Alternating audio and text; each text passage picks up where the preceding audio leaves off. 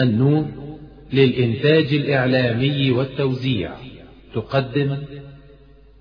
أعوذ بالله السميع العليم من الشيطان الرجيم. بسم الله الرحمن الرحيم. إن الحمد لله نحمده ونستعينه ونستغفره ونستهديه ونعوذ بالله من شرور أنفسنا ومن سيئات أعمالنا.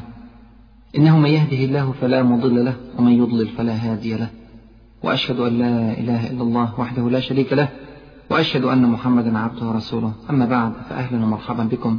في هذا اللقاء الطيب المبارك وأسأل الله عز وجل أن يجعل هذا اللقاء في ميزان حسناتنا أجمعين.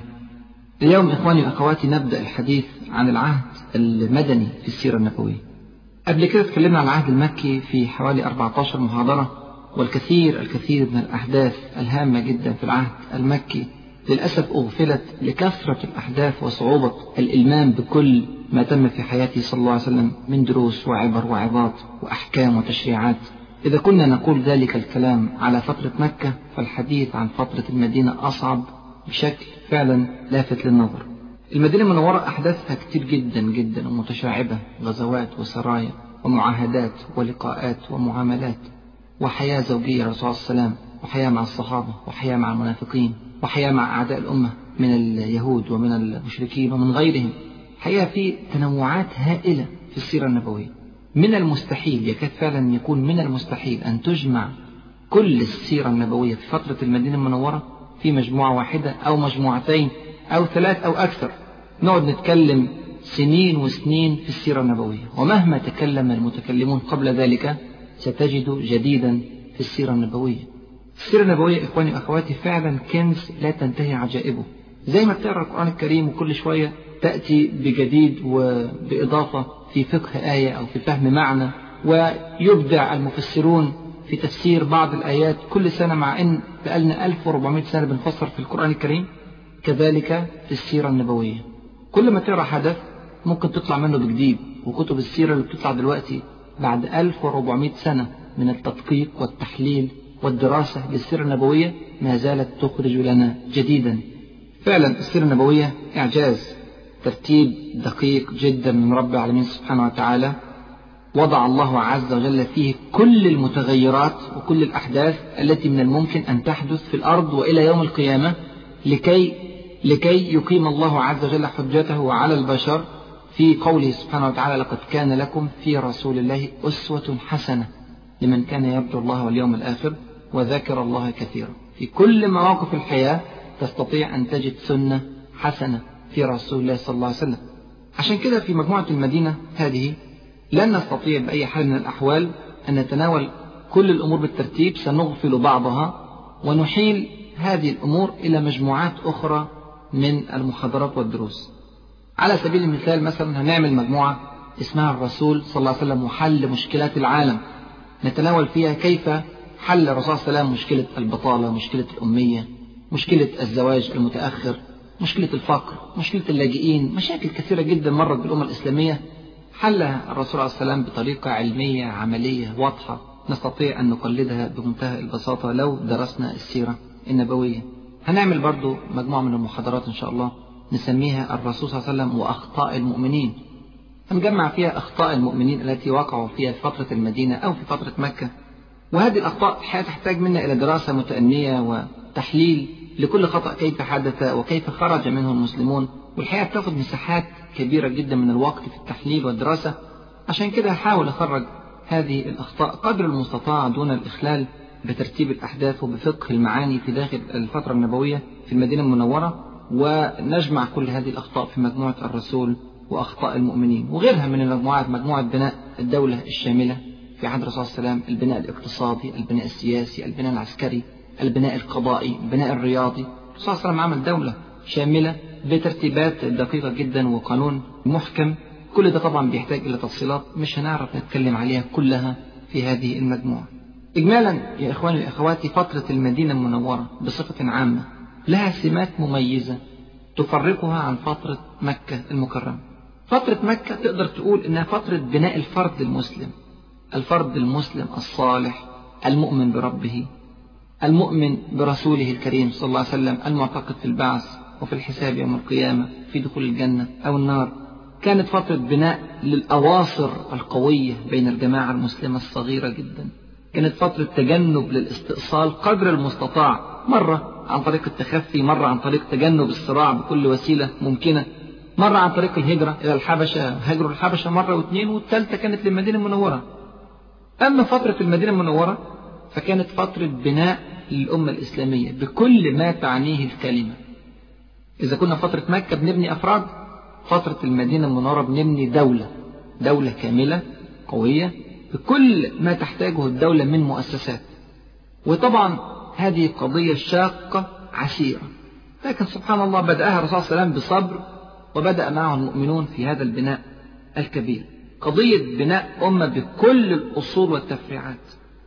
إحنا لما نيجي نعمل شركة كبرى من لا شيء أمر صعب. فكيف ببناء أمة يا إخواني وأخواتي قصة البناء هذه من معجزات الإسلام. لأنه لم تقم أمة في هذا التوقيت بهذا المعدل السريع والبناء القوي والعمق الحضاري المذهل إلا في أمة الإسلام. بعض الدول قامت بسرعة بس وقعت بسرعة ولم تترك خلفها أي تراث حضاري يذكر. يعني لو جيت تقارن قيام أمة الإسلام بقيام أمة التتار. تجد أن أمة التتار أيضا قامت بسرعة وانتشرت انتشارا هائلا في الأرض. لكن أين تراث التتار الآن؟ أين الميراث الحضاري لهذه الدولة؟ انتهى بالكامل بل على العكس. دخلت دولة التتار التي كانت تحتل مساحات شاسعة من العالم الإسلامي دخلت في الإسلام. لأن دين الله عز وجل يختلف كلية عن كل قوانين البشر الوضعية. دين غالب قاهر لا يأتيه الباطل من بين يديه ولا من خلفه تنزيل من حكيم حميد. لا شك أن بناء هذه الأمة واجه تحديات هائلة تحديات داخلية وخارجية داخل المدينة المنورة وخارج المدينة المنورة داخل الجزيرة العربية وخارج الجزيرة العربية. تحديات في كل جوانب الحياة. سلاسل متتالية من الصراع ومن أزمة إلى أزمة أخرى ومن مشكلة إلى مشكلة أكبر. ومع ذلك تم بناء الأمة الإسلامية. هذه إخواني ليست حكمة بشرية فقط من رسول الله صلى الله عليه وسلم مع أنه أحكم البشر وأعلم الخلق صلى الله عليه وسلم. لكن هذا وحي من رب العالمين سبحانه وتعالى. هذا منهج إلهي صادق. هو اللي بنى الأمة بهذا الإعجاز الواضح وبهذا التوقيت المعجز. يعني غضون عشر سنوات فقط أصبحت دولة المدينة المنورة دولة معترف بها في العالم لها قوة لها مكانة لها سفراء لها مراسلات إلى كل بقاع العالم ولها لقاءات حربية صارمة وقوية مع قوة كبيرة جدا جدا من موازين العالم في ذلك الوقت. تجربة رائعة حقا تستحق الدراسة. بل تجب دراسة هذه التجربة. هذا هو الدين الإسلامي حقيقة يا إخواني. الدين الإسلامي مش مجرد صلاة وصوم وقيام ليل وذكر. الدين الإسلامي منظومة. متكاملة تحكم حياة الأفراد وحياة المجتمعات بل وحياة الأرض بصفة عامة. يقول ربنا سبحانه وتعالى في كتابه الكريم قل إن صلاتي ونسكي ومحياي ومماتي لله رب العالمين.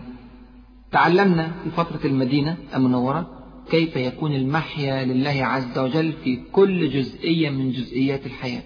فترة مكة كان هذا برضه يطبق على المسلمين لكن المسلمين ما كانش عندهم تشريعات ما كانش عندهم دولة ما كانش عندهم سياسة اقتصاد قضاء. هذه الأمور لم تكن واضحة تمام الوضوح لأن كان المسلمين عبارة عن جماعة صغيرة جدا مضطهدة معذبة مشردة. لكن الآن الدستور الإسلامي وضح تمام الوضوح في فترة المدينة المنورة. ومع كون المحلل للأحداث يجد أن فترة بناء الأمة تبدو في ظاهرها أصعب من فترة مكة اللي هي بناء الأفراد إلا أنني أقول أن الفترتين كانتا على مستوى واحد من الأهمية تقريبا. لا يمكن هناك أمة إسلامية قوية بغير تربية مكة. لن تفهم فترة المدينة مطلقا بدون الرجوع إلى فترة مكة. وطبعا أنصح إخواني وأخواتي قبل ما نخوض في أحداث المدينة المنورة يراجعوا بعد كده فترة مكة قبل ما نكمل في بقية المحاضرات. تربية مكة كانت الأساس للصرح الضخم الذي بني بعد ذلك في المدينة المنورة. الأساس يا إخواني قد لا يراه عامة الناس. الأساس اللي بيشيل فوقيه عشرات الأدوار محدش بيشوف. لكن العالمون ببواطن الأمور لو جبت واحد مهندس يقدر يقول لك الأساس بتاع العمارة ديت عمقه قد إيه مساحته قد إيه قوته قد إيه. يقدر يشيل كم دور كمان فوق العمارة اللي هي مبنية ديت. لو كان الأساس ضعيفا فإن البناء ينهار عند أول أزمة. ممكن تلاقيه واقف قدامك كده فترة من الزمن لكن أول زلزال ولو كان بسيطا ممكن ينهار البناء بالكلية. وما أكثر ما رأينا دولا وأحيانا بتكون دول إسلامية تنهار لأن البناء كان ضعيفا. الأساس كان ضعيف التربية كانت ضعيفة. وما أحدث طالبان منا ببعيد. ما نشك في نياتهم وفي أخلاقهم وفي عبادتهم لكن البناء كان ضعيف. التربية كانت ضعيفة فحدث هذا الانهيار المروع وفي فترة قصيرة. لم تدرس سيرة الرسول صلى الله عليه وسلم دراسة متأنية منهم أو ممن وقع من أمثالهم في حلقات التاريخ المختلفة إلى كل العاملين على الساحة الإسلامية أقول دراسة السيرة ليست ترفا فكريا إنما هي فريضة على كل من أراد أن يعز هذه الأمة وأن يشارك في بنائها ما هو الأساس الذي وضعه رسول الله صلى الله عليه وسلم لبناء الأمة الإسلامية وحرص على تقويته في فترة مكة المكرمة. ناخد من فترة مكة عشان ندخل فترة المدينة. في منتهى البساطة يا إخواني الرسول صلى الله عليه وسلم من أول يوم حط ثلاث أسس رئيسية للأمة الإسلامية. الأساس الأول بإيجاز شديد الإيمان الصادق الكامل برب العالمين سبحانه وتعالى. الإيمان به وتعظيمه واليقين الكامل في قدرته وحكمته وأحقيته بالطاعة والخضوع. لا إله إلا الله. هذه كلمة عاش لها صلى الله عليه وسلم فترة طويلة من الزمان من أول البعثة وإلى أن مات صلى الله عليه وسلم. وهو يزرع في الناس هذه الكلمة الموجزة جدا التي توضح معنى عبادة الناس لرب العالمين سبحانه وتعالى. لا إله إلا الله. كان يمشي وسط المشركين في مكة المكرمة يقول لهم قولوا لا إله إلا الله تفلحوا. قولوا لا إله إلا الله تملك العرب والعجم. تفلحوا في الدنيا والآخرة. نجاة البشر بصفة عامة في الدنيا بقول لا إله إلا الله. ونجاة البشر يوم القيامة بقول لا إله إلا الله. بس طبعا واضح يا إخواني أن مش المقصود أن تقولها باللسان. كلنا بنقول لا إله إلا الله. لكن من منا في حياته يطبق لا إله إلا الله؟ هل كان ينكر العرب أن الله عز وجل هو الذي خلق السماوات والأرض؟ هو الذي خلق البشر؟ أبدا. ولئن سألتهم من خلق السماوات والأرض ليقولن خلقهن العزيز العليم. ولئن سألتهم من خلقهم ليقولن الله. هذا اعتراف من الجميع. لكن المشكلة الرئيسية أنهم حكموا غير الله عز وجل في حياتهم. عبدوا الله عز وجل ظاهرا وطبقوا شرع غيره في حياتهم في كل جزئية من جزئيات حياتهم خالفوا. لذلك كانوا من الكافرين وخسروا الخسران المبين. والتقوا مع المسلمين في مواقع شتى بعد ذلك من أجل عدم تطبيق كلمة لا إله إلا الله في حياتهم. والذين قالوها الصحابة رضي الله عنهم وأرضاهم ملكوا العرب والعجم كما وعدهم صلى الله عليه وسلم. قولوا لا إله إلا الله تفلحوا. قولوا لا إله إلا الله تملك العرب والعجم. يقول ربنا سبحانه وتعالى في كتابه الكريم ألا لله الخلق والأمر. الناس جميعا تعترف أن لله الخلق. ما ادعى بشر قبل ذلك وإلى الآن وإلى يوم القيامة أنه يخلق. الجميع يعترف أن الخلق هذا قوة خارجة عن إرادة البشر أو عن قدرة البشر.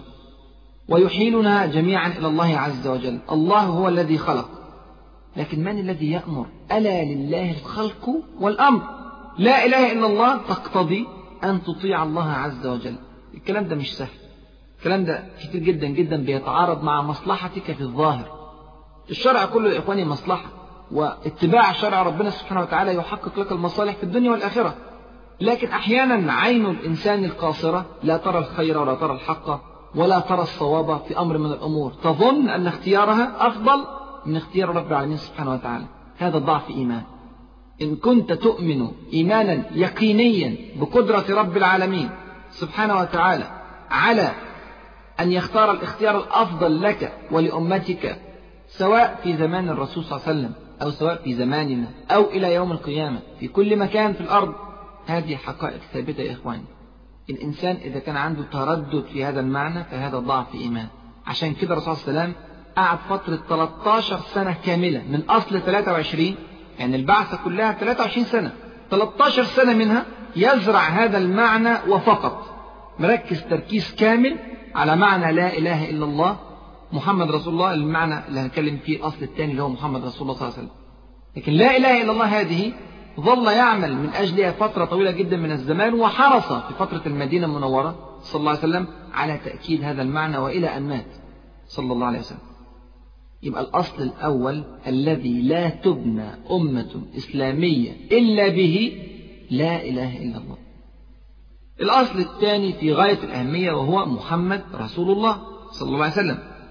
الإيمان الكامل والجازم أن رسول الله صلى الله عليه وسلم رسول. بعثه رب العالمين سبحانه وتعالى برسالة منه سبحانه وتعالى إلى البشر عامة. وما أرسلناك إلا رحمة للعالمين. يقول رسول الله صلى الله عليه وسلم ألا إن ما حرمت مثل الذي حرم الله. تماما بتمام يا إخواني أنه وحي من عند رب العالمين سبحانه وتعالى. القرآن وحي من عند رب العالمين سبحانه وتعالى. والسنة المطهرة وحي من عند رب العالمين سبحانه وتعالى. الكتاب والسنة. لو الناس ما تفهمش معنى كلمة أن الرسول صلى الله عليه وسلم رسول من عند رب العالمين سبحانه وتعالى وظنت أنه مجرد رجل حكيم أو عبقري أو سياسي قدير أو كذا أو كذا من الأمور تأخذ من كلامه وترد حسب ما أرادت. لكن الذي أراد صلى الله عليه وسلم أن يزرعه في فترة مكة المكرمة أن ما يقوله صلى الله عليه وسلم هو وحي رب العالمين سبحانه وتعالى. سواء كان كلام رب العالمين القرآن أو سواء كان وحي وعبر عنه صلى الله عليه وسلم بالمعنى فخرج الحديث القدسي وخرج الحديث النبوي كما نعلم جميعا. يبقى ده أساس هام جدا جدا أيضا من أسس بناء الأمة الإسلامية. أولا لا إله إلا الله. ثانيا محمد صلى الله عليه وسلم رسول الله. حاجة الثالثة في غاية الأهمية ولن تبنى أمة إسلامية بغيرها أيضا وهو الإيمان الجازم بأن هناك بعث يوم القيامة وهناك حساب من إله قدير عليم حكيم يثيب المحسن بالجنة ويعاقب المسيء بالنار. هذا ما قاله صلى الله عليه وسلم من أول ما وقف على جبل الصفا يدعو المشركين جميعا إلى الإيمان برب العالمين سبحانه وتعالى. واحد لا إله إلا الله اثنين محمد رسول الله ثلاثة كلموا وقال والله لتموتن كما تنامون ولا تبعثن كما تستيقظون ولا تحاسبن على ما تعملون وإنها لجنة أبدا أو نار أبدا. وقعدنا 13 سنة فترة مكة المكرمة نزرع هذه الأصول الثلاثة. طبعا حواليها كانت أمور تانية كثيرة تقوية الأواصر بين المسلمين زرع الأخلاق الحميدة وتنمية روح التسامي والتضحية عند المسلمين والبذل والعطاء. أمور أخرى كثيرة لكن لن تتحقق هذه الأمور كلها إلا إذا آمنت أنه لا إله إلا الله وأن محمد رسول الله وأن هناك بعث يوم القيامة. إيمان يقيني جازم هنا نقدر بقى نقول إن الحكم إلا لله. مش هقدر أفهم تطبيق شرع ربنا في حياتنا من غير ما أقدر أفهم هذه الأصول الثلاثة. عشان كده إحنا في فترة المدينة المنورة هتيجي تشريعات كتيرة وقوانين كتيرة جدا. لن يطبق هذه القوانين إلا من ربي تربية صادقة صحيحة في فترة مكة المكرمة أو حتى تربى بعد كده في المدينة المنورة لكن على هذه الأصول الثلاثة الهامة. إن كان الإيمان ضعيفا كان الانسياق للقانون الذي أتى من عند رب العالمين عن طريق رسول الله صلى الله عليه وسلم كان الانسياق هذا ضعيفا أيضا. ومن ثم كان بناء الأمة الإسلامية ضعيفا. ومع أن الدستور الإسلامي يا إخواني وأخواتي هو أحكم قانون عرفته الأرض لأنه من عند رب العالمين سبحانه وتعالى الذي يعلم ما يصلح العباد يعلم ما ينفع للبشر. علشان كده اختياره لنا دايما أفضل من اختيارنا لأنفسنا المسألة مسألة إيمان ويقين كما ذكرنا. إلا أن فلسفة الحكم في الإسلام لا تعتمد فقط على دقة القوانين وإحكامها لا تعتمد فقط على مهارة الحاكم وحسن إدارته إنما تعتمد أيضا على الشعور الدائم من المسلم بأنه مراقب من رب العالمين سبحانه وتعالى. ليس فقط رقابة ظاهرية ولكن رقابة للباطن أيضا. قل إن تخفوا ما في صدوركم أو تبدوه يعلمه الله. ويصف ربنا سبحانه وتعالى نفسه سبحانه وتعالى بقوله يعلم خائنة الأعين وما تخفي الصدور. نتيجة هذه المراقبة سيكون الحساب يوم القيامة ثم الجنة أو النار. ومن ثم الأمة التي تؤمن بالله لا تخالف الدستور أو القانون الإلهي حتى في غياب عين الحاكم حتى في غياب المدير أو الشرطي. ليه؟ لأنها تعلم أن الله عز وجل يراقبها. هذه هي فلسفة الحكم في الإسلام. لو أحسن المسلمون فقه هذه الفلسفة لكانت أمة الإسلام هي أكثر الأمم انضباطا في تنفيذ قوانينها. لو أضفت بقى كده حقيقة أن القانون الإسلامي هو أفضل قانون في الأرض بلا منازع فإن هذا يفرز أفضل أمة بكل المقاييس. عشان كده ربنا بيقول كنتم خير أمة أخرجت للناس. خير أمة. القانون بتاعكم خير القوانين واتباعكم للقانون خير الاتباع. ده لو الناس فاهمة الحقيقة كويس لا إله إلا الله محمد رسول الله وأن هناك بعث يوم القيامة. لو في أي فترة من فترات الزمن شفت أن أمة الإسلام ليست خير الأمم في الأرض في زمان من الأزمان أو في مكان من الأمكنة اعلم أن هذا نتج من مخالفة المسلمين. إما بترك أجزاء من القانون وإما بسوء التربية الذي يفرغ القانون من روحه ومعناه فيتحايل عليه المسلم ناسيا أن الله يراقبه. ضعف إيمان. لو حصل ده هتلاقي فساد في أمة الإسلام هتلاقي رشوة هتلاقي تزوير لإرادة الشعوب. هتلاقي تدليس على الناس هتلاقي كذب بهتان فواحش منكر انهيار كامل لكل فضيلة وخلق ومعروف. ليه؟ علشان القانون اتفرغ من روحه. الناس ما عادتش عارفة إن هذا وحي من رب العالمين سبحانه وتعالى وأن الله عز وجل يراقبك في كل صغيرة وكبيرة. إذا كخلاصة لما سبق لن تكون للمسلمين أمة ودولة بغير تربية مكة. احفظوا الكلام ده كويس. لن تكون للمسلمين أمة ودولة بغير تربية مكة تربية الإيمان بالله عز وجل والإيمان برسوله الكريم صلى الله عليه وسلم والإيمان باليوم الآخر. تربية الصبر والثبات والتضحية والتجرد والإخلاص الكامل لله رب العالمين سبحانه وتعالى. تعالوا بقى نشوف إيه اللي حصل في المدينة المنورة. إحنا وقفنا في محاضرات مكة المكرمة على أمر الهجرة. الرسول صلى الله عليه وسلم هاجر. هو وكل المسلمين الذين يستطيعون الهجرة من مكة المكرمة إلى المدينة المنورة. أول ما دخلنا المدينة المنورة لفت الأنظار مباشرة رد فعل الأنصار رضي الله عنهم وأرضاهم لدخول الرسول صلى الله عليه وسلم إلى المدينة المنورة.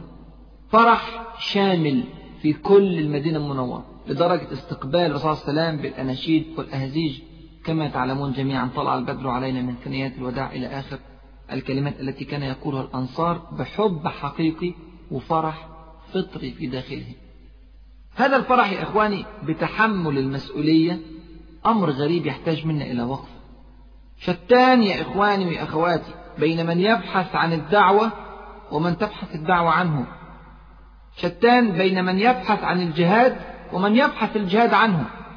شتان بين من يبحث عن التضحية أو تبحث التضحية عنه. الأنصار كانوا بيدوروا فين ممكن نخدم أمة الإسلام؟ فين ممكن نضحي لأجل إقامة أمة الإسلام؟ الرسول صلى الله عليه وسلم داخل المدينة المنورة دخوله ده معناه خطير جدا جدا. معناه كما قالوا قبل ذلك وصوروا ويعلمون جيدا معناه حرب الأحمر والأسود من الناس. معناه مفارقة العرب قاطبة أو كافة. معناه العداء المستمر مع اليهود الذين يسكنون في داخل المدينة المنورة ولهم علاقات قديمة جدا جدا مع الأنصار. معناه تضحية معناه بذل معناه إنفاق معناه موت في سبيل الله عز وجل. المعاني ديت الأنصار كانوا عارفينها كويس قوي قبل ما يخش الرسول صلى الله عليه وسلم إلى المدينة المنورة. الأنصار قعدوا مع الرسول صلى الله عليه وسلم بيعة العقبة الثانية تعاهدوا معه على أمور فصلنا فيها في مجموعة مكة المكرمة. بإيجاز شديد عشان تعرف يعني إيه أنصار عاهدوا الرسول صلى الله عليه وسلم على النفقة في العسر واليسر. على السمع والطاعة في النشاط والكسل على الأمر بالمعروف والنهي عن المنكر على أن يقوموا في الله لا تأخذهم في الله لومة لائم على أن ينصروه إذا قدم إليهم ويمنعونه مما يمنعون منه أنفسهم وأزواجهم وأبناءهم كل ده في مقابل الجنة. مستحيل واحد يدفع الحاجات دي كلها من غير ما يكون عنده إيمان يقيني جازم أنه لا إله إلا الله وأن محمدا صلى الله عليه وسلم رسول الله وأن الجنة حق وأنه سيدخلها بهذه الأعمال التي قدمها من أجل الله عز وجل. يبقى الأنصار فرحهم ده كان بيعبر عن طبيعة الأنصار اللي هنشوفها بعد كده في كل مراحل المدينة المنورة في كل الفترات سواء في داخل المدينة أو في خارج المدينة كل الأحداث. عطاء مستمر متواصل سبحان الله يعجب له الإنسان لا يفقهه إلا بعلمه أن الأنصار مؤمنون إيمانا يقينيا بالله عز وجل وبرسوله الكريم صلى الله عليه وسلم. لذلك الرسول صلى الله عليه وسلم يقول في حق الأنصار كلمات جميلة جدا إخواني تكتب بماء الذهب وأغلى من الذهب والله. يقول صلى الله عليه وسلم آية الإيمان حب الأنصار وآية النفاق بغض الأنصار. هذا في البخاري ومسلم. آية الإيمان حب الأنصار. إذا كنت بتحب الأنصار فأنت مؤمن. لو تبغض الأنصار أنت منافق. تخيل قد إيه أصبح إيمان العبد بقيمة وعظمة ودرجة الأنصار علامة من علامات إيمانه علامة من علامات صدق إيمانه. واللي ما بيحبش الأنصار يبقى يراجع نفسه كويس. يبقى دول الأنصار خرجوا فرحانين جدا جدا بتلقي كم هائل من المشاكل اللي سوف تحدث في المدينة المنورة بعد دخول الرسول صلى الله عليه وسلم. فرحانين ليه؟ لأن هو ده طريق الدعوة. اللي هيوصلهم للجنة. عارفين من الأول. الطريق صعب لكن نهايته الجنة. وخلي بالك الفرح بتاعهم ده كان فرح إيجابي. مش مجرد إننا فرحانين فرح قلبي في داخلنا. وربنا يسهل في الأيام اللي جاية نشوف هنعمل إيه. لا من أول يوم خرجوا إليه بالسلاح. من أول يوم. طبعا الخروج بالسلاح في معنى التشريف لرسول الله صلى الله عليه وسلم.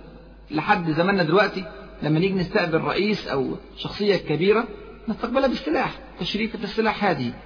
فهذا فيه تشريف لرسول الله صلى الله عليه وسلم. لكن فوق كده هذا تطمين لقلبه صلى الله عليه وسلم أنهم ما زالوا على عهد البيعة التي بايعوها معه قبل ذلك في مكة المكرمة بيعة العقبة الثانية. وخلي بالكم هناك أعداء كثر في داخل المدينة المنورة وفي خارجها يتمنون قتل رسول الله صلى الله عليه وسلم. بعض المشركين موجودين في داخل المدينة المنورة أو كثير من المشركين معظم أهل المدينة كانوا لسه مأمنوش وعندك برضو مشركي مكة اللي قعدوا يتابعوا الرسول صلى الله عليه وسلم من مكة إلى المدينة المنورة ولم يفلت منهم صلى الله عليه وسلم إلا عند دخوله إلى قباء أول مراحل المدينة المنورة. ولو تفتكروا كنا قايلين قبل كده إن قبيلة أسلم قابلت الرسول صلى الله عليه وسلم في أول دخوله للمدينة المنورة قبل أن يدخل بقليل وحاصرته بغية القبض عليه لتسليمه إلى قريش لنيل الجائزة الكبرى التي أعطتها قريش لمن يأتي برسول الله صلى الله عليه وسلم مئة من النوق. وطبعا ده كان رقم ضخم في ذلك الزمن. الرسول صلى الله عليه وسلم داخل وفي مخاطر كثيرة حواليه. فالأنصار من أول يوم من أول لحظة بيقولوا إحنا معاك وبالسلاح ومستعدين نفديك بكل ما نمتلك من أموال أو من روح أو من أي شيء. يبقى ده كان وضع الأنصار رضي الله عنهم وأرضاهم واستقبالهم الحافل. برسول الله صلى الله عليه وسلم. استقبال مشرف حقيقة ينبئ ويخبر عن طبيعة الأنصار رضي الله عنهم وأرضاهم. أنا عايز أقف هنا وقفة قبل ما أكمل. وأقول الرسول صلى الله عليه وسلم عمل إيه في فترة المدينة المنورة؟ عايز أقف وقفة وأقول سبحان الله لحظة التمكين يا إخواني قد تكون قريبة جدا جدا. راجع معايا كده الفترة التي سبقت الهجرة إلى المدينة المنورة. ارجع معايا ثلاث سنوات. من ثلاث سنوات فقط كان عام الحزن في عام الحزن مات أبو طالب وماتت السيدة خديجة رضي الله عنها وأرضاها. وأظلمت مكة تماما وأغلق فيها باب الدعوة إلى الدرجة التي جعلت الرسول صلى الله عليه وسلم لأول مرة في تاريخه يخرج من مكة المكرمة سعيا وراء إيصال الدعوة إلى غيرها. لأن خلاص ولا واحد في مكة المكرمة يؤمن بعد هذا العام أو بعد هذه اللحظة وخرج صلى الله عليه وسلم في مشوار طويل شاق جدا جدا إلى الطائف. وتعلمون جميعا ما حدث في الطائف. وراجعوا. الدروس بتاعة مكة المكرمة. وخرج منها صلى الله عليه وسلم وقد قذف بالحجارة وألقي التراب فوق رأسه وسب بأقذع الألفاظ ودخل مكة بعد ذلك في إجارة مشرك المطعم بن عدي. يعني سبحان الله المحلل للوضع يجد أنه من المستحيل من المستحيل حقا في عرف أهل الدنيا وفي حسابات المادة أن تقوم لرسول الله صلى الله عليه وسلم. ولمن معه من المؤمنين المضطهدين المشردين المعذبين في داخل مكة المكرمة أن تقوم لهم دولة ولو بعد عشرة أو عشرين أو ثلاثين أو مئة سنة. وراجع تاني الفترة المكية عشان تعرف صعوبة هذه الفترة. ما في أنصار من أي نوع رفضت مكة الإيمان ورفضت الطائف الإيمان ورفضت كل القبائل التي أتت في العام العاشر والعام الحادي عشر من البعثة رفضوا جميعا الإيمان بالله عز وجل وبرسوله الكريم صلى الله عليه وسلم. ولم يقبل من كل الذين دعاهم صلى الله عليه وسلم الإيمان إلا ستة من الخزرج في آخر العام الحادي عشر من البعثة. الكلام ده قبل الهجرة بسنتين بس يا إخوان في غضون سنتين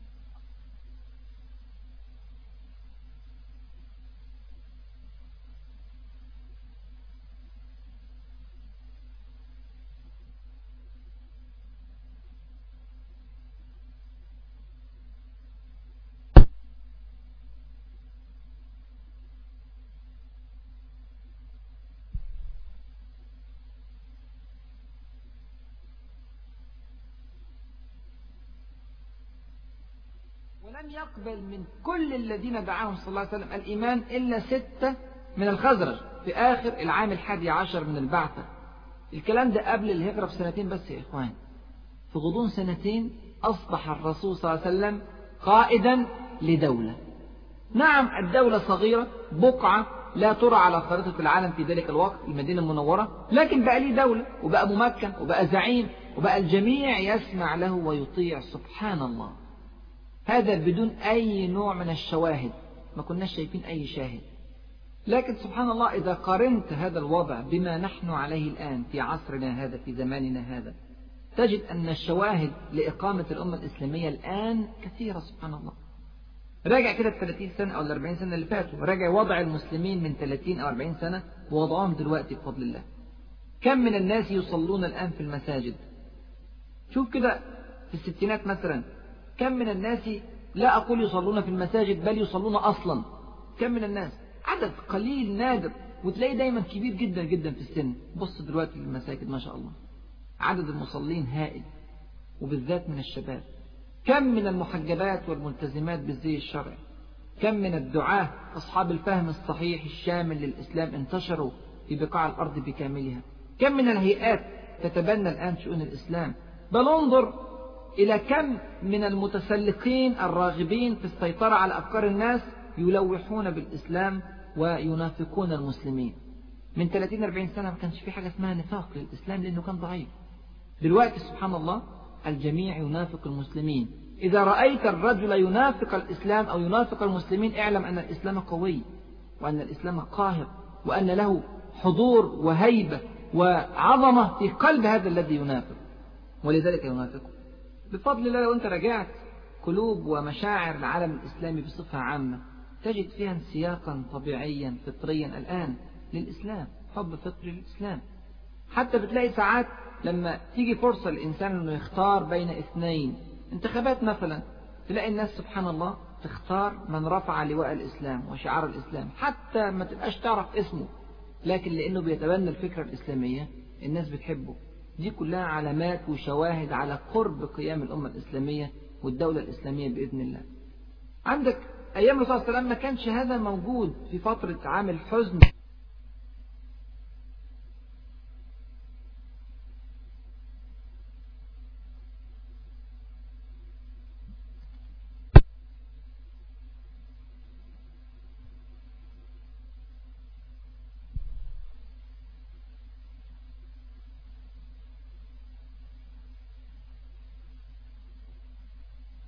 ولم يقبل من كل الذين دعاهم صلى الله عليه وسلم الإيمان إلا ستة من الخزرج في آخر العام الحادي عشر من البعثة. الكلام ده قبل الهجرة بسنتين بس يا إخوان. في غضون سنتين أصبح الرسول صلى الله عليه وسلم قائدا لدولة. نعم الدولة صغيرة بقعة لا ترى على خريطة العالم في ذلك الوقت المدينة المنورة لكن بقى ليه دولة وبقى ممكن وبقى زعيم وبقى الجميع يسمع له ويطيع. سبحان الله. هذا بدون أي نوع من الشواهد. ما كناش شايفين أي شاهد. لكن سبحان الله إذا قارنت هذا الوضع بما نحن عليه الآن في عصرنا هذا في زماننا هذا تجد أن الشواهد لإقامة الأمة الإسلامية الآن كثيرة سبحان الله. راجع كده ال 30 سنة أو ال 40 سنة اللي فاتوا راجع وضع المسلمين من 30 أو 40 سنة ووضعهم دلوقتي بفضل الله. كم من الناس يصلون الآن في المساجد؟ شوف كده في الستينات مثلا كم من الناس لا أقول يصلون في المساجد بل يصلون أصلا. كم من الناس؟ عدد قليل نادر. وتلاقيه دايما كبير جدا جدا في السن. بص دلوقتي المساجد ما شاء الله. عدد المصلين هائل وبالذات من الشباب. كم من المحجبات والملتزمات بالزي الشرعي. كم من الدعاة أصحاب الفهم الصحيح الشامل للإسلام انتشروا في بقاع الأرض بكاملها. كم من الهيئات تتبنى الآن شؤون الإسلام. بل انظر إلى كم من المتسلقين الراغبين في السيطرة على أفكار الناس يلوحون بالإسلام وينافقون المسلمين. من 30-40 سنة ما كانش في حاجة اسمها نفاق للإسلام لأنه كان ضعيف. دلوقتي سبحان الله الجميع ينافق المسلمين. إذا رأيت الرجل ينافق الإسلام أو ينافق المسلمين اعلم أن الإسلام قوي وأن الإسلام قاهر وأن له حضور وهيبة وعظمة في قلب هذا الذي ينافق. ولذلك ينافقه بفضل الله لو أنت رجعت قلوب ومشاعر العالم الإسلامي بصفة عامة تجد فيها انسياقا طبيعيا فطريا الآن للإسلام حب فطري للإسلام حتى بتلاقي ساعات لما تيجي فرصة للإنسان أنه يختار بين اثنين.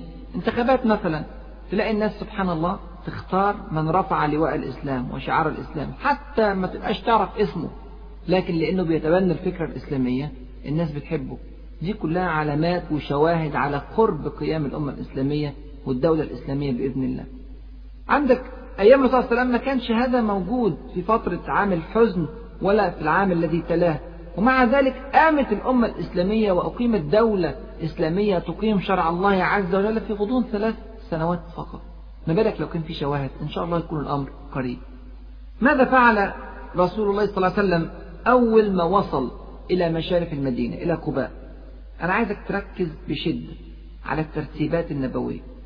أول شيء عمله كذا ثم كذا ثم كذا. الكلام ده كله محسوب. إن كل شيء خلقناه بقدر. هذا وحي من رب العالمين سبحانه وتعالى. هذا الترتيب مقصود فعلا. وكل الإشارات في حياته صلى الله عليه وسلم لها معنى. كل حركة وسكنة في حياته كانت بتوجيه ومراقبة من رب العالمين سبحانه وتعالى. حتى الاختيارات البشرية له صلى الله عليه وسلم. التي كانت لا تتوافق مع ما يريده رب العالمين سبحانه وتعالى من الناس كان ينزل جبريل عليه السلام مباشرة ليعدل المسار للمسلمين ليوضح لهم مراد رب العالمين سبحانه وتعالى من هذه النقطة. فأصبحت السيرة النبوية من أولها إلى آخرها بوحي وتأييد من رب العالمين سبحانه وتعالى. ولا وصول يا إخواني وأخواتي إلى سعادة الدنيا والآخرة إلا باتباع خطوات الرسول صلى الله عليه وسلم وبالترتيب الذي فعل صلى الله عليه وسلم. أول الخطوات في قباء كانت إنشاء المسجد. أنا عايزك تخلي النقطة دي في ذهنك وتيجي معايا كده نكمل فترة الزيارة بتاعته لقباء ونوصل للمدينة المنورة. قعد في قباء أسبوعين 14 يوم تقريبا. وانتقل بعد ذلك إلى المدينة المنورة وهنرجع لنقطة المسجد دي بعد شوية. في المدينة المنورة استقبل الرسول صلى الله عليه وسلم استقبالا ثانيا من الأنصار. عملوا له احتفال كبير جدا ومشرف. في قباء ورجعوا عملوا الاحتفال ده تاني في منطقة المدينة المنورة بعد أسبوعين من انتقاله من قباء وتسابق الأنصار جميعا بشتى قبائلهم على استقبال الرسول صلى الله عليه وسلم. لكن أنا عايزك تقف وقفة وتركز كويس قوي. قال صلى الله عليه وسلم كلمة للأنصار. كل الأنصار عايزين الناقة بتاعته تيجي عند البيوت بتاعتهم علشان يستقبلوه في بيوتهم. كل قبيلة كل إنسان كل فرد عايز الرسول صلى الله عليه وسلم يخش عنده. لكن الرسول صلى الله عليه وسلم الكلمة أصبحت منهجا لحياة الصحابة وحياة المسلمين. قال صلى الله عليه وسلم دعوها فإنها مأمورة. دعوا الناقة فإنها مأمورة من رب العالمين سبحانه وتعالى. الناقة مأمورة وأنا أيضا مأمور والمؤمنون جميعا مأمورون. وما كان لمؤمن ولا مؤمنة إذا قضى الله ورسوله أمرا أن يكون لهم الخيرة من أمره ومن يعص الله ورسوله فقد ضل ضلالا مبينا. الرسول صلى الله عليه وسلم بيقول أنا مش هقدر أختار إذا كان ربنا بيختار لي أمر من الأمور. جايز يكون هوايا في النقعد في بيت فلان أو بيت فلان أو بيت قرايبي من بني النجار أو بيت صحابي كبير أو بيت واحد بحبه أو كذا أو كذا. إذا أمر الله عز وجل فلا مجال للهوى لا مجال للاختيار. الذي يأمر الناقة هو رب العالمين سبحانه وتعالى. وعلينا جميعا أن نسمع ونطيع. هكذا علمهم بوضوح. كان ممكن ينزل الوحي يقول للرسول صلى الله عليه وسلم انزل في بيت فلان أو ضع المسجد في هذا المكان الفلاني أو كذا أو كذا لكن هذا المشهد العلني أمام الجميع والجميع يتسابق لاستقباله وهو صلى الله عليه وسلم يخرج نفسه تماما تماما من الاختيار ويجعل الاختيار الكامل لرب العالمين. هذا زرع لمعنى مهم جدا. هيفضل ماشي معانا طول فترة المدينة المنورة. ما أكثر التشريعات والأحكام التي ستنزل في المدينة المنورة وقد لا يفقهها عامة الناس. قد لا يدركون الحكمة من وراء الأمر. ومع ذلك عليهم أن يسمعوا ويطيعوا لله رب العالمين. وبركة الناقة في مكان معين في المدينة المنورة. في هذا المكان قرر الرسول صلى الله عليه وسلم أن يفعل ماذا؟ أن يبني المسجد النبوي. تاني. مرة ثانية أول حاجة عملها في قباء بناء المسجد. أول حاجة عملها في المدينة المنورة بناء المسجد. آه الكلام ده مش مصادفة. هذه ليست إشارة عابرة. هذا منهج أصيل. لا قيام لأمة إسلامية بغير مسجد. أو قل لا قيام لأمة إسلامية بغير تفعيل لدور المسجد. لأن المساجد ما شاء الله دلوقتي كتير. لكن كتير منها مش مفعل كمسجد. يخطئ يا إخواني وأخواتي من يظن أن المسجد لم ينشأ إلا لأداء الصلوات الخمس وفقط. ساعات في بعض الدول الإسلامية المسجد بيتقفل مباشرة بعد الصلاة وكأن دوره الوحيد هو الصلاة فقط. دور المسجد في بناء الأمة الإسلامية أعمق من ذلك بكثير. ليست قيمة المسجد في حجمه ولا شكله ولا زخرفته ولا من اللي افتتحه وأصل الشريط شكليات فارغة لا قيمة لها. بل على العكس الرسول صلى الله عليه وسلم كان ينهى عن هذه الشكليات. كان ينهى عن المبالغة في تزيين المساجد. كان يقول لا تقوم الساعة حتى يتباهى الناس بالمساجد. سبحان الله.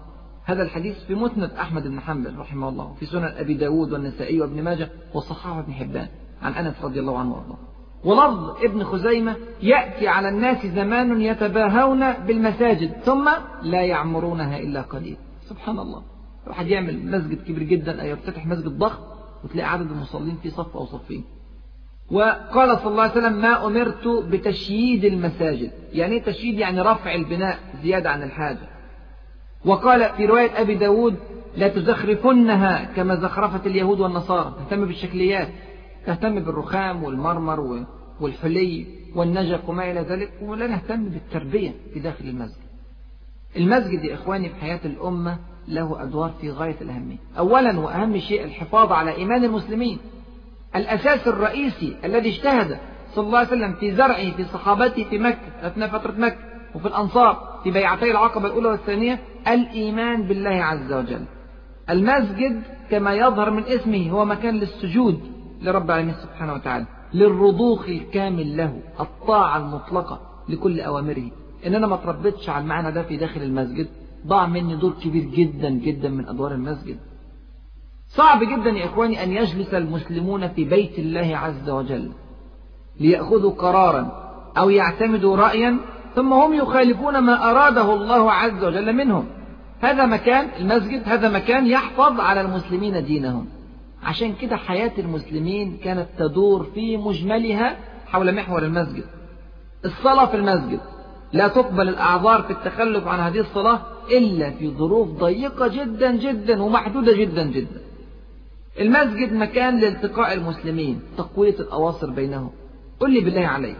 يا ترى تعرف كم واحد من اللي بيصلوا معاك الجمعة لو أنت مش منتظم في صلاة الجماعة في المسجد؟ بتشوفه مرة في الأسبوع أو مرة كل شهر. طبعا ده كلام لا يقوي أبدا الأواصر بين المسلمين. لكن لو بتحافظ على الصلاة خمس مرات في اليوم يا ترى علاقتك بأخوك اللي بتشوفه خمس مرات في اليوم شكلها إيه؟ أكيد في منتهى القوة. أكيد لو حصل له مرض أو مشكلة أو أزمة هتعرف بيها أول ما تحصل. مش مستني أسبوع أو أسبوعين أو ثلاثة على بال ما تشوفه قدرا في داخل المسجد في صلاة جمعة من الصلوات. فالمسجد يقوي وينمي الروابط والأواصر بين المسلمين. المسجد يذيب الفوارق بين المسلمين. الحاكم بجوار المحكوم الوزير بجوار الغفير.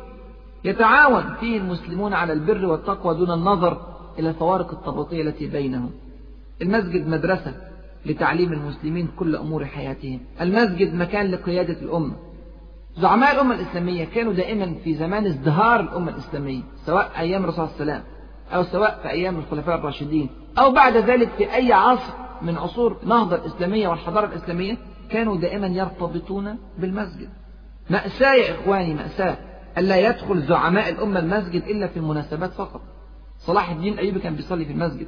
نور الدين محمود بيصلي في المسجد. عبد الرحمن الناصر في المسجد. عبد الرحمن الداخل في المسجد. يوسف بن تشفين قلب أرسلان. أي بطل من أبطال الإسلام والمسلمين أي قائد رفع رأس الأمة فترة من الزمان كان مرتبط بالمسجد. وأي واحد يتخلى عن المسجد أبى الله عز وجل إلا أن يخزيه في الدنيا. وطبعا عذاب الآخرة كبير عند رب العالمين سبحانه وتعالى لمن حرم الناس من المساجد. سياسة الأمة الإسلامية كلها في زمان الرسول صلى الله عليه وسلم وبعد ذلك كانت تدار من داخل المسجد. تسيير الجيوش من داخل المسجد. قرارات الحرب من داخل المسجد. المعاهدات من داخل المسجد. استقبال الوفود في داخل المسجد. القضاء في المسجد. مقر الحكم في الإسلام. بيت الحكم. مقر الحكم. بيت ربنا سبحانه وتعالى. بيت الله. المسجد. ومش بس الحكم والسياسة والقضاء. المسجد مكان لإعلان أفراح المسلمين. المسجد مكان لتربية الأطفال. مكان حتى للترفيه في أدب. المسجد مأوى للفقراء وعابر السبيل. المسجد مكان لمداواة المرضى. كل الكلام ده ليه أدلة كتير جدا جدا في السيرة النبوية وليه مواقف كتير. الوقت لا يتسع. نحتاج إلى محاضرات لتفسير دور المسجد في حياة المسلمين. كل جزئية من جزئيات الحياة للمسجد دور فيها. ليس معنى هذا أنني أقصد أن نحول المسجد الآن إلى مستشفى ودار ضيافة ومحكمة ووزارة مش ده المقصود. لكن المعنى الذي لا يغيب أبدا عن الذهن أو لا يجب أن يغيب أبدا عن العقل هو أن تربية المسجد أساسية في إدارة كل هذه الهيئات. الذي لا يعرف لله حقه لن يعرف للخلق حقوقهم. الذي ليس له ضوابط من الشرع لن تكون هناك حدود لظلمه وفساده وضلاله في الأرض. الذي لا يعرف طريق المسجد لا يعرف طريق الحق والعدل والأمانة والشرف. هذه المعاني السابقة تعرفنا بوضوح المعنى العميق الذي ذكره ربنا سبحانه وتعالى في الآية القرآنية ومن أظلم ممن منع مساجد الله أن يذكر فيها اسمه وسعى في خرابها. هذا الذي منع الناس من تفعيل دور المسجد لم يؤثر فقط على المصلين في المسجد ولكن أثر على المجتمع بكامله. لذلك عظم الله عز وجل من شأن هذه الجريمة. أولئك ما كان لهم أن يدخلوها إلا خائفين. لهم في الدنيا خزي ولهم في الآخرة عذاب عظيم. المهم أول حاجة عملها الرسول صلى الله عليه وسلم في بناء دولته كان بناء المسجد. بنى مسجد قباء في قباء وبنى المسجد النبوي في المدينة المنورة. وتعالوا نشوف كيف بنى صلى الله عليه وسلم هذا المسجد. وقف صلى الله عليه وسلم مع صحابته جميعا يبنون هذا المسجد. سبحان الله في بناء هذا المسجد دروس لا تحصى. أولا البساطة في البناء. الاهتمام الكامل بالجوهر لا بالشكل. المسجد كان مبني من الطوب اللبن والجريد في منتهى البساطة. ومع ذلك سبحان الله هذا المسجد أخرج عمالقة حكمت العالم بعد ذلك. يبقى دي أول شيء أهتم بالجوهر لا بالشكل. الحاجة الثانية في غاية الأهمية إخواني وأخواتي. الرسول صلى الله عليه وسلم الزعيم القائد لهذه الأمة الجميع كان يتمنى أنه يحميه بنفسه وبروحه وأن هو يفتديه من كل تعب أو نصب. الرسول صلى الله عليه وسلم نزل بنفسه مع الشعب يبني المسجد يشيل معاهم في التراب ينقل معاهم الحجارة يقيم الأعمدة يخطط للمسجد كل شيء مع الشعب بتاعه. سبحان الله. هذه من أبلغ الوسائل لتربية الشعوب المشاركة الحقيقية المعاناة الكاملة مع الشعب. هنلاقي النقطة دي معانا في كل السيرة. في بدر هتلاقيه بيقاتل بنفسه صلى الله عليه وسلم. في أحد كذلك.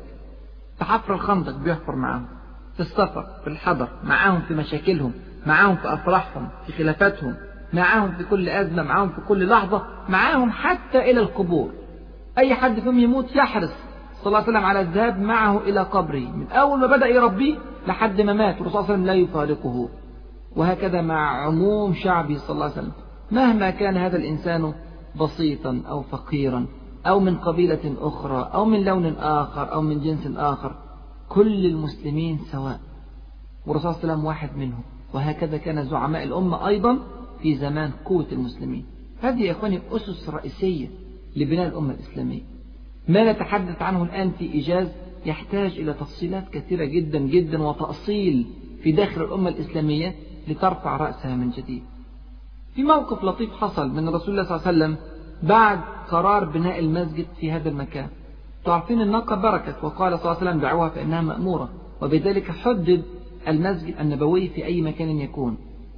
ثم قال صلى الله عليه وسلم هو لسه لحد دلوقتي ما قعدش في المدينة المنورة لسه لم يسكن في المدينة المنورة لم يبنى له بيت. طب يقعد فين؟ صلى الله عليه وسلم. قال أي بيوت أهلنا أقرب. خلي بالك من التعبير من اللفظ. أي بيوت أهلنا أقرب. لم يبحث صلى الله عليه وسلم عن أفخم بيوت المدينة ولا عن أعز بيوت المدينة ولا عن أقرب بيوت المدينة إلى قلبه سواء من ناحية قرابة بني النجار أو من أصحاب أصحاب بيت العقبة الأولى أو الثانية. لكن قال أي بيوت أهلنا أقرب في منتهى البساطة. أيا كانت هذه الدار. كل ديار المسلمين داره صلى الله عليه وسلم. أهلنا. أهل المسلم هم المسلمون بصرف النظر عن أصولهم أو عرقياتهم أو عن قبائلهم. قد يكون المسلم الباكستاني أو السوري أو الإندونيسي أو الأمريكي أقرب إلى المسلم من أخيه. إذا كان هذا الأخ الذي يرتبط به بالنسب لا يشترك معه في العقيدة. ما أبلغ ما قاله رب العالمين سبحانه وتعالى لنوح عليه السلام إنه ليس من أهلك. سبحان الله. ابنه ليس من أهله. ليه؟ مختلفين في العقيدة. والآن الرسول صلى الله عليه وسلم والآن الرسول صلى الله عليه وسلم يبحث عن أقرب بيوت أهله. مع أن الرسول صلى الله عليه وسلم من قريش. وهؤلاء من الأوس والخزرج فروع تانية خالص بعيد خالص عن فروع قريش. وأول بيت وأقرب بيت كان بيت أبي أيوب الأنصاري رضي الله عنه وأرضاه. وفي قعد الرسول صلى الله عليه وسلم وفي أحداث لطيفة كثيرة جدا حدثت في داخل هذا البيت. ليس المجال لتفصيلها. المهم الرسول صلى الله عليه وسلم استقر في بيت أبي أيوب الأنصاري قعد فترة من الزمن إلى أن بني له بيت. ولما بنقول بيت هذا مجاز. الرسول صلى الله عليه وسلم بني له حجرة بسيطة جدا جدا صغيرة جدا جدا تفتح على المسجد. كان كل زوجة من زوجات الرسول صلى الله عليه وسلم لها حجرة حجرة واحدة.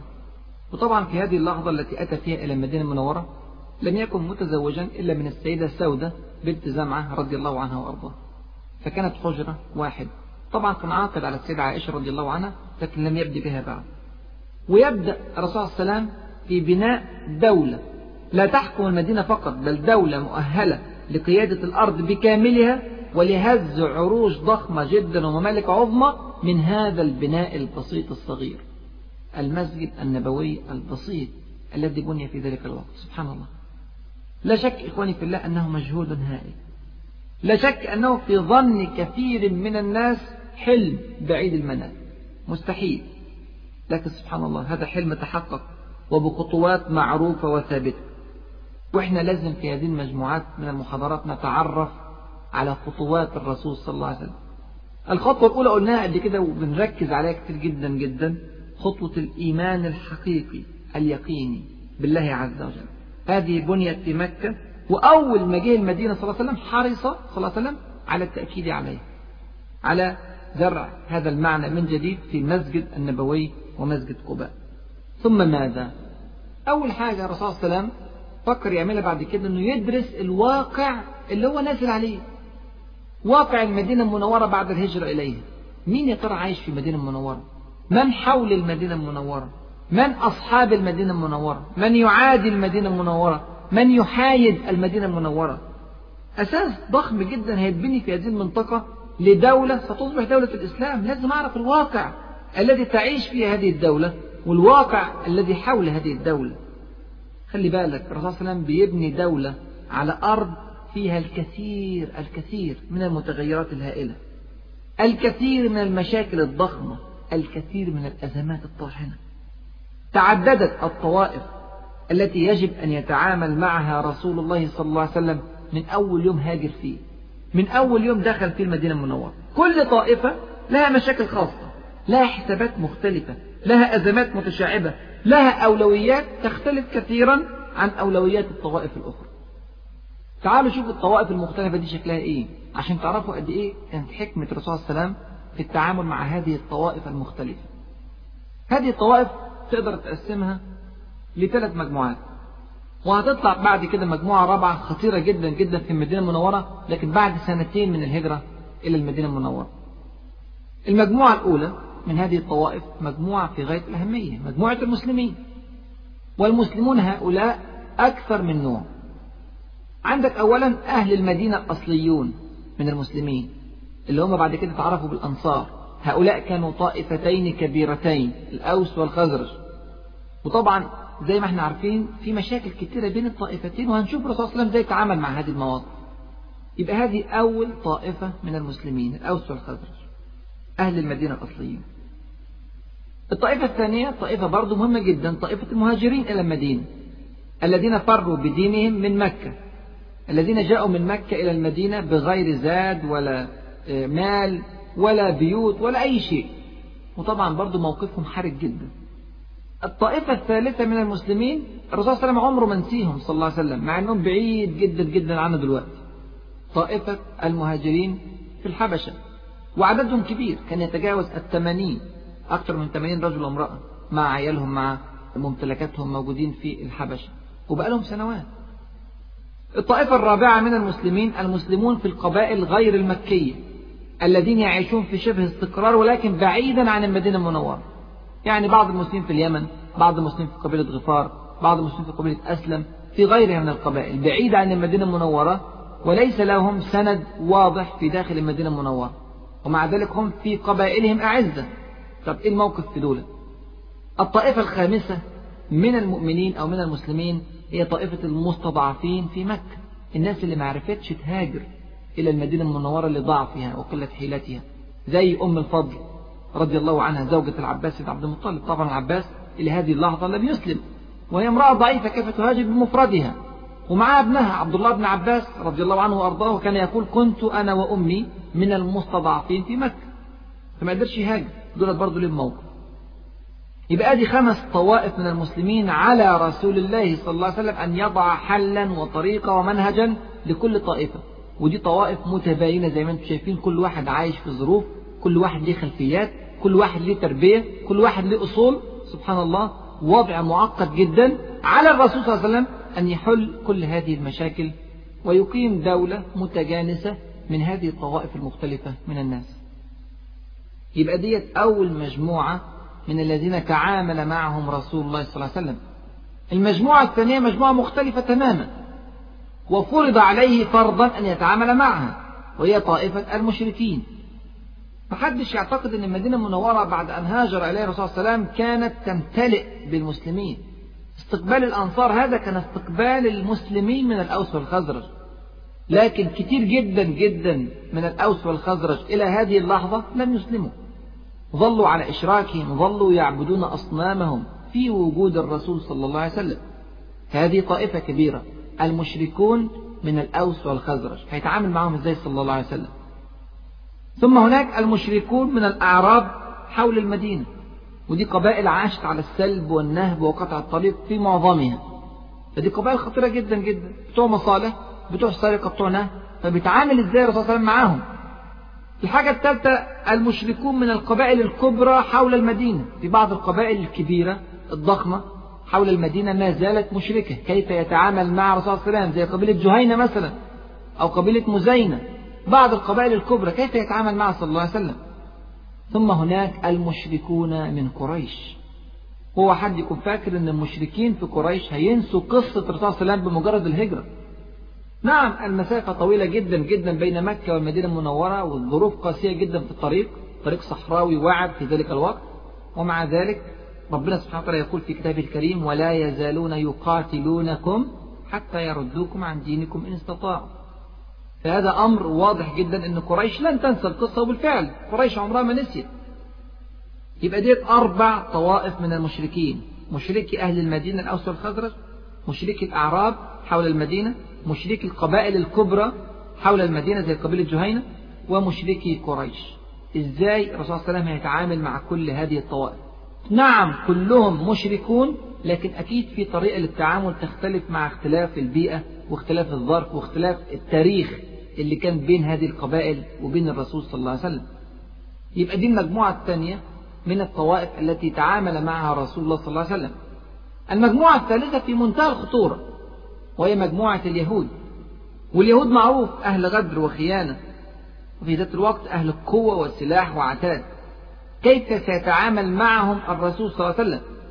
اليهود يا إخواني ما كانوش حوالين المدينة المنورة. اليهود كانوا داخل المدينة المنورة داخل دولة الرسول صلى الله عليه وسلم. ومش واحد ولا اثنين ولا عشرة ثلاث قبائل قوية. قبيلة بني قينقاع قبيلة بني النضير وقبيلة بني قريظة. ومش بس دول في شمال المدينة المنورة قبائل التي تعيش في منطقة خيبر ووادي القرى كلها قبائل يهود. كيف سيتعامل الرسول صلى الله عليه وسلم مع هؤلاء اليهود؟ أتراه يعاهدهم أم يحاربهم؟ في طرق مختلفة جدا للتعامل كانت في حياة الرسول صلى الله عليه وسلم لكل طريقة منها ظرف لو أنا ما عرفتش الظروف التي من أجلها اختار صلى الله عليه وسلم منهجا معينا في التعامل مع هذه الطوائف المختلفة المتباينة يبقى أنا ما فهمتش السيرة كويس. لذلك يجب الوقوف على كل حدث من هذه الأحداث وتحليله بدقة عشان تعرف إيه الأبعاد التي من وراء هذا الحدث ومن أجلها أخذ الرسول صلى الله عليه وسلم قرارا دون قرار. يبقى دول الثلاث مجموعات هامة جدا جدا تعامل معهم رسول الله صلى الله عليه وسلم. مجموعة المسلمين مجموعة المشركين ومجموعة اليهود. وهتطلع لنا بعد سنتين مجموعة المنافقين. لكن هنأجل الكلام عليها لما نيجي إن شاء الله ليها. يا ترى عمل إيه الرسول صلى الله عليه وسلم مع كل مجموعة من المجموعات ديت؟ يا ترى اتعامل إزاي مع هذه الطوائف المتباينة؟ يا ترى إيه حكم الشرع الإسلامي في التعامل مع هذه النوعيات المختلفة من البشر؟ طبعا الكلام ده محتاج تفصيل كتير الوقت لا يتسع الآن لكن سنؤجل إن شاء الله الحديث عن هذه الأسئلة الهامة إلى اللقاء القادم. لكن قبل ما انهي أحب ألخص لكم الدروس الهامة جدا اللي خرجنا بيها من هذه المحاضرة واللي بتورينا إزاي ممكن تبنى أمة الإسلام. أول شيء ما تنسوش الأصول الثلاثة لا إله إلا الله واحد. اثنين محمد رسول الله صلى الله عليه وسلم. ثلاثة هناك بعث. يوم القيامة يحاسب فيه رب العالمين سبحانه وتعالى المحسن على إحسانه بالجنة والمسيء على إساءته بالنار. حاجة الثانية مهمة جدا تسابق المسلم إلى البذل وإلى العطاء كما تسابق الأنصار رضي الله عنهم وأرضاهم إلى استقبال الرسول صلى الله عليه وسلم مع خطورة استقباله في داخل المدينة المنورة. الحاجة الثالثة مهمة جدا برضو المسجد ودوره في بناء الأمة الإسلامية واتساع الأفق عند المسلم عشان يعرف أن دور المسجد مش بس الصلاة لكن ليه دور في كل نقطة من نقاط حياة المسلم؟ حاجة برضو اللي اتعلمناها في درس النهاردة هي المشاركة بين القائد والشعب مشاركة الرسول صلى الله عليه وسلم للمسلمين في كل صغيرة وكبيرة في حياتهم. الحاجة المهمة جدا برضو رباط العقيدة الذي وضحه صلى الله عليه وسلم عندما قال أي بيوت أهلنا أقرب الرباط؟ الذي يربط المسلمين هو رباط العقيدة وليس رباط القبيلة ولا اللون ولا الجنس ولا اللغة ولا غير ذلك من الأمور. الحاجة الأخيرة المهمة أوي أوي هي فقه الواقع. الرسول عليه وسلم علشان يعرف يتعامل في داخل المدينة المنورة صنف الناس كلها إلى الطوائف التي تنتمي إليها ومن ثم كان تعامله صلى الله عليه وسلم مع كل طائفة مختلف. وده اللي هنعرفه إن شاء الله في الدرس القادم. أسأل الله عز وجل أن يفقهنا في سننه وأن يعلمنا ما ينفعنا وأن ينفعنا بما علمنا. إنه ولي ذلك والقادر عليه. السلام عليكم ورحمة الله وبركاته. مع تحيات النور للإنتاج الإعلامي والتوزيع.